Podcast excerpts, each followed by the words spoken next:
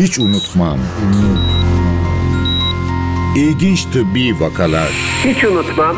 Telefonu her zaman korkuyla açarım. Bu ne yazık ki bizim işimizin doğası. Hiç unutmam. Yeni bir yol denemek zorundaydık. Ve denedik. Çaresizlikten. Ve bütün ekip aynı mutluluğu yaşadık.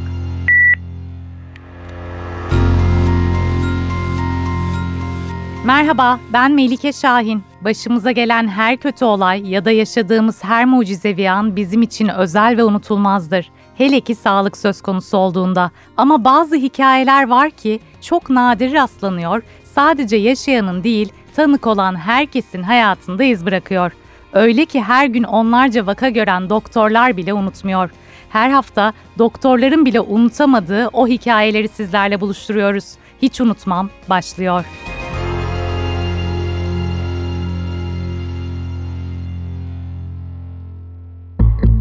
Anne baba olmak isteyip doğal yollarla çocuk sahibi olabilmek mutluluk. Herkes anne baba olmak zorunda değil elbette. Ancak çok isteyip çok uğraşmak zorunda olan birçok aile var. Uzun tedavi süreçleri geçiriyorlar, bebeklerine kavuşabilmek için yıllarca bekliyorlar. Bu hafta böyle bir öyküyü dinleyeceğiz. Kadın hastalıkları ve doğum uzmanı Profesör Doktor Faruk Buyru tüm bu süreçlerden geçen bir hastasının hikayesini anlatacak. Üstelik bu hikayenin kahramanları yalnızca kendi hikayelerinin değil, başkalarının hikayelerinin de kahramanları kahramanları. Sayın Faruk Buyru, programımıza hoş geldiniz. Hoş bulduk Melike Hanım. Teşekkür ederim davetiniz için. Bir kadın hastalıkları ve doğum uzmanı olmak belki de her gün yeni bir ilk nefese tanık olmak demek. Bu hayat enerjisini çok yükselten bir uzmanlık gibi gelir bana hep. Ama bir yandan da o anı yaşayabilmek için yıllarca uğraşanlar var ve siz de onları o ana kavuşturmaya çalışıyorsunuz. O hastalarınızdan birini dinleyeceğiz sizden. Biraz bahseder misiniz? Ne zaman başvurdu size? Kaç yaşlarındaydı? Nasıl bir öyküsü vardı? Eskilere dayanıyor aslında 2005-2006 gibi. İlk gebeliklerini olumsuz bir şekilde kaybeden bir çift, ilk çiftimiz. Bebekte problem olduğu için gebeliği sonlandırmak zorunda kalmışlar ve daha sonra 2 yıldır da yeni gebelik olmuyor. 38-39 yaşında kadın, erkek de ona yakın yaşta ve bu sürede kendi kendine gebelik olmadığı için bir desteğe ihtiyaç duyup bize başvurdular. Yapılan tetkiklerden sonra kadının yaşını ve çocuk isteme süresini, korunması süreyi göz önüne alınca tüp bebek tedavisinin uygun olacağını düşündük ve tedaviye başladık. Peki o ilk gebeliğe kadar, olumsuz sonuçlanan ilk gebeliğe kadar da uğraşmışlar herhalde değil mi çocuk sahibi olabilmek için? Evet, onun öncesinde de o da yine bir destekle oluşan gebelik. Ama biliyorsunuz gebelik esnasında bir takım tetkikler yapılıyor bebeğin fetusun sağlığını araştırmak açısından. Daha önceleri ikili test yapılıyordu. Eğer orada problem olursa amniyosentezle bebeğin kromozom yapısını ortaya koymaya çalışıyorduk. Şimdi daha çok DNA testi ile daha fazla doğruluk oranı ile bebeğin durumunu anlamaya çalışıyoruz. Ve büyük ölçüde de bebekle ilgili bilgi sahibi olabiliyoruz. Eğer DNA testinde de bir sorun çıkarsa o zaman amniyosentez dediğimiz bebeğin durumunu araştırmak için kesin teşhis koyabilmek için bebeğin etrafındaki suyun alınıp genetik inceleme yapılmasını öneriyoruz. Ama artık amniyosenteze yani daha ayrıntılı ve biraz daha riskli olan bu tetkike çok fazla gereksinim duymuyoruz.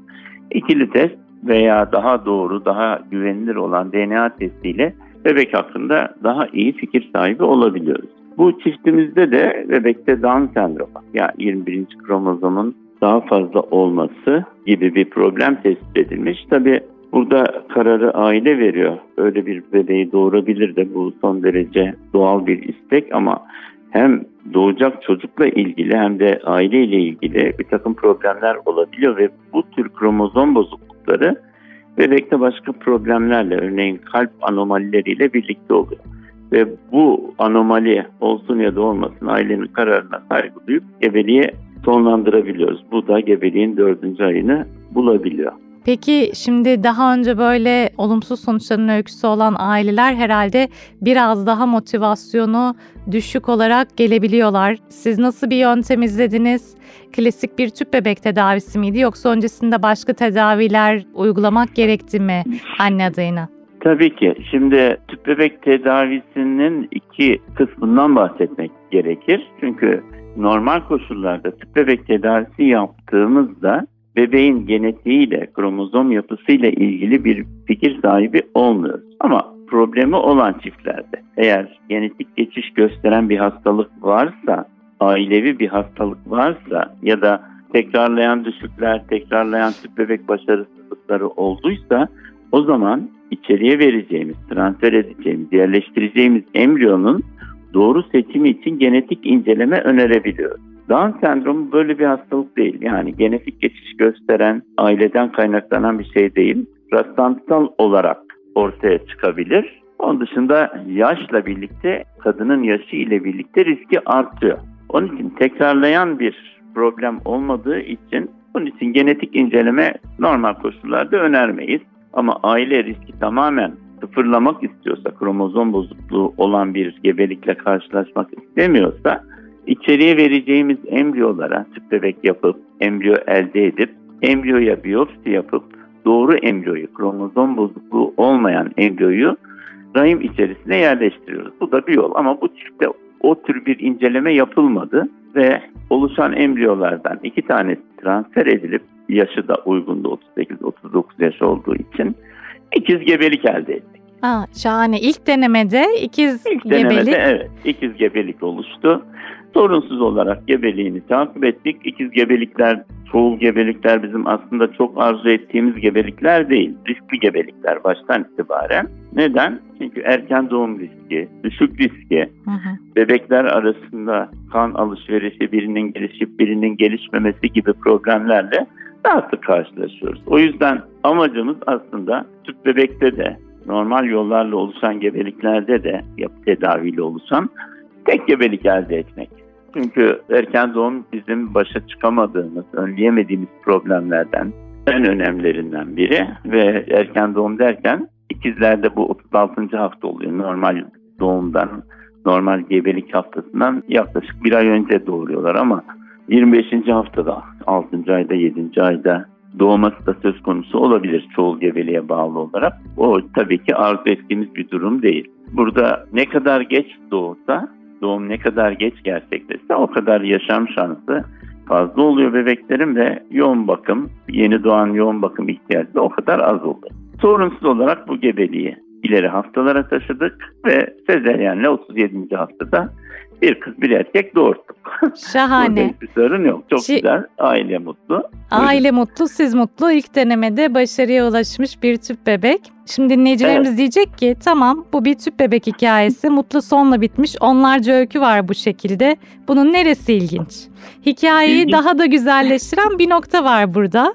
Evet. Aile anne baba oldu. Bebeklerini kucaklarına aldılar. Sonra size bir isteklerini anlattılar. Neydi o? Sonra kontrole geldiklerinde Faruk Bey biz bu iş için şöyle bir bütçe ayırmıştık. Çok şükür ilk denemede de çocuklarımız oldu. Onları sağlıkla kucağımıza aldık. Bütçeden kalan parayı da ekonomik durumu iyi olmayan, çocuk sahibi olmakta zorluk çeken bir çifte destek olarak karşılamak, kullanmak istiyoruz dediler. Bu tabii ki inanılmaz iyi bir şey. İnsanın gözlerini yaşarsan çok olumlu bir şey. Bir de yani o zaman 2005 yılından bahsediyorsunuz. O zaman daha az yapılıyordu şimdiye göre ve herhalde maliyetler de biraz daha yüksek miydi? Daha az yerde, Kesinlikle yani. daha yeni yeni yapıldığı için. Kesinlikle haklısınız. O yıllarda tüp bebek ilk işte 80'lerden sonra Türkiye'de yapılmaya başladı. Dolar olarak konuşacak olursak 10 bin dolar civarında bir maliyeti vardı. Daha sonra o 2005 civarında 2500 dolar civarında bir maliyet oluşturuyordu. Şu andaki parayla epeyce. Bugünkü tüp bebek maliyetinin epeyce üzerinde olan bir rakam ve bugün dahi bugünkü rakamlarla dahi tüp bebek tedavisine ulaşmakta insanlar zorluk çekebiliyorlar. Tabii ki bir zamanlar devlet desteği de yoktu. Hı hı. Yani SGK karşılamıyorduk. Koşullar uygun olmasına rağmen işte çiftin yaşı genç olacak, bekleme süresi yeterli olacak.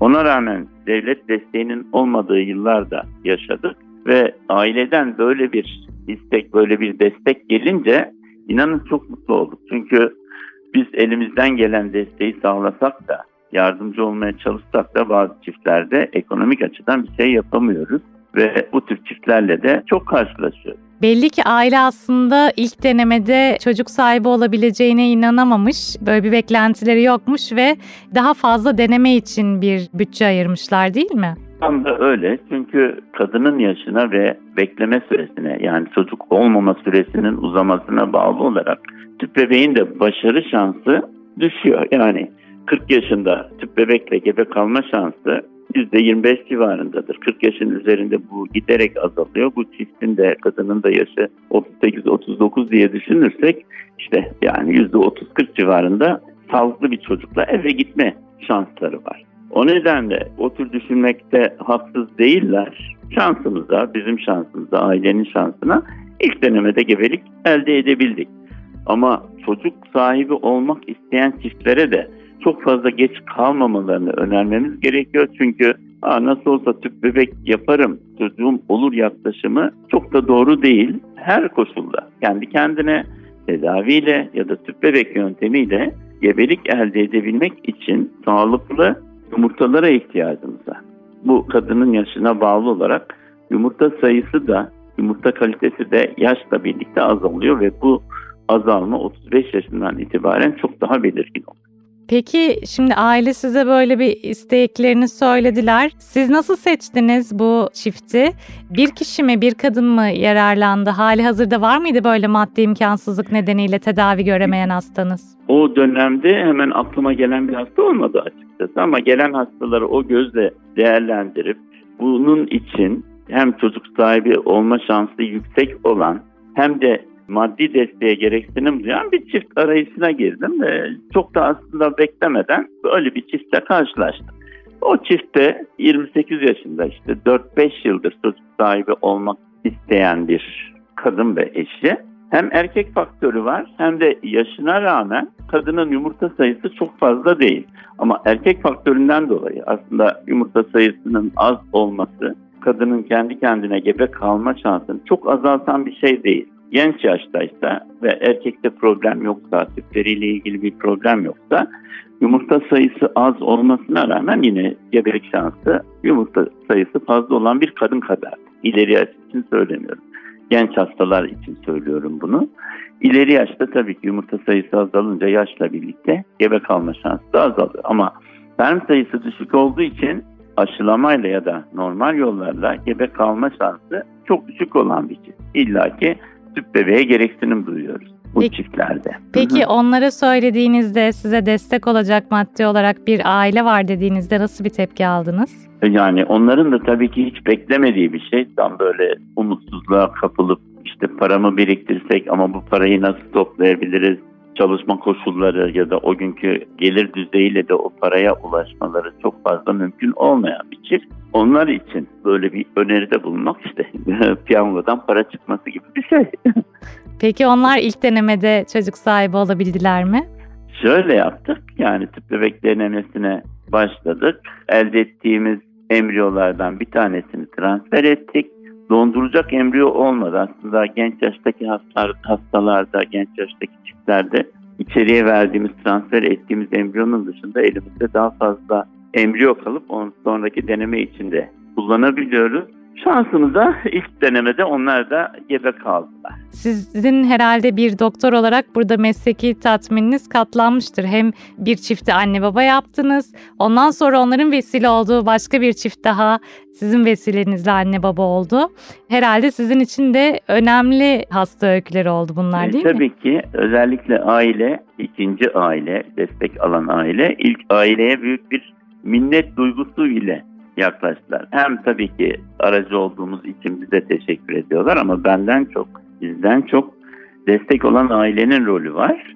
Ve gebelik sürecinde de o destekten dolayı en azından telefonla görüşmelerini sağlayıp o şükranlarını dile getirmelerine de aracı olduk ailelerin. İlk aile de çok mutlu oldu çünkü neredeyse ikinci bir, üçüncü bir çocukları olmuş kadar sevindiler onlar da. Sonrasında acaba bebekler dünyaya geldiğinde bir buluşma yaşandı mı iki aile arasında?